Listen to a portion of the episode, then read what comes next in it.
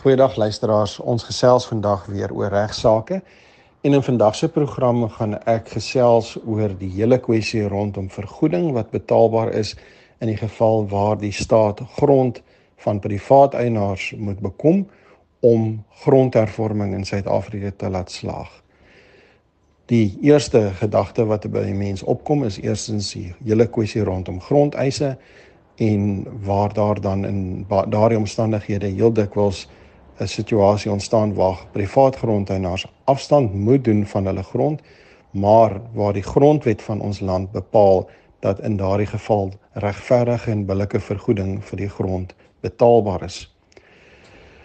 Hierdie kwessie is egter verder geneem in wetgewing wat in 2014 alreeds in plek gestel is en wat bekend staan as die Wet op Eiendomswaardasies. In hierdie wet is daar ook 'n kantoor of administrasie in die lewe geroep wat bekend staan as die kantoor van die waardeerder-generaal van Suid-Afrika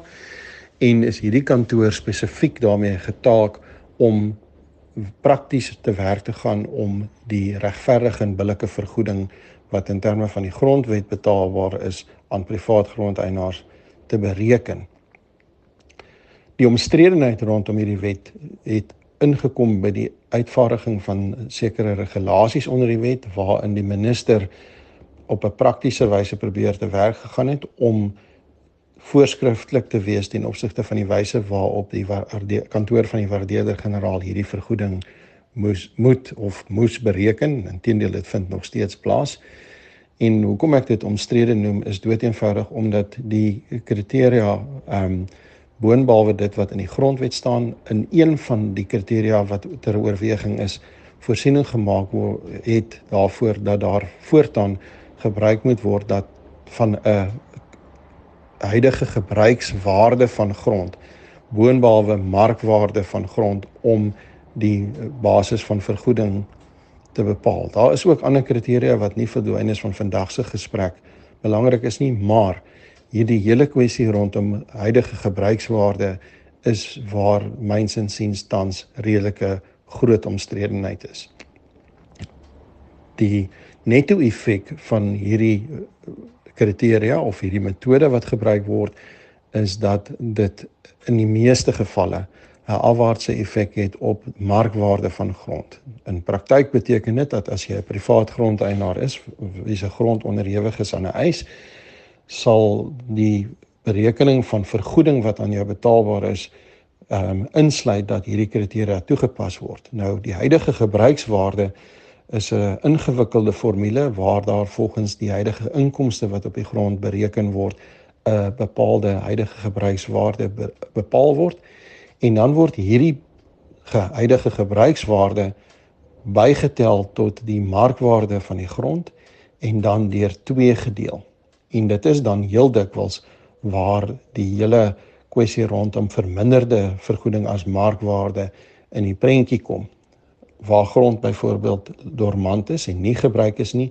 sal daar dan ook byvoorbeeld 'n 0% gebruikswaarde ter sprake wees en as dit by die markwaarde getel word, dan beteken dit effektief dat die markwaarde van grond gehalveer word vir die eindes van die huidige gesprek en huidige grondeienaars wat gekonfronteer word rondom hierdie kwessie is dit baie belangrik om hierdie saak te oorweeg en in besonder wanneer daar aanbiedinge gemaak word vanaf die kant van die staat om te bepaal of hierdie kriteria toegepas is en of 'n grondeienaar bereid sou wees om so 'n aanbod te aanvaar. Daar is ook in die grondhuishof in 'n saak van in die Moloto gemeenskap 'n paar jaar of twee ehm um, spesifiek sekere kritiek uitgelewer of gelewer deur die grondhuishof oor hierdie bepaalde kriteria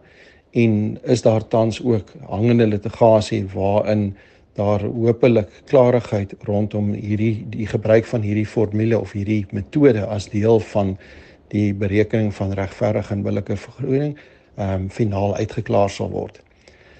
Vir vandag se doeleindes en ek hoop dit is ook dan die uiteinde van ons gesprek vandag is dat grondeienaars bewus moet wees van hierdie wetgewing, bewus moet wees daarvan dat wanneer jou grond wel deel is van 'n eis of 'n onderwerp word van 'n eis of selfs waar jy doeteenvoudig grond aanbied um, vir die staat vir byvoorbeeld mense wat op jou grond sou woon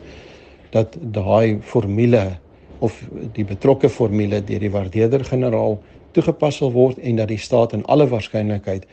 geen hoër bedrag ehm um, sal aanbied as 'n bedrag wat spesifiek hierdie berekeningswyse in ag geneem het nie. Die soos reeds gesê is die effek daarvan dat markwaarde drasties verminder. Ehm um, in die meeste gevalle, ek het nog nie 'n geval gekry waar dit die waarde van grond verhoog nie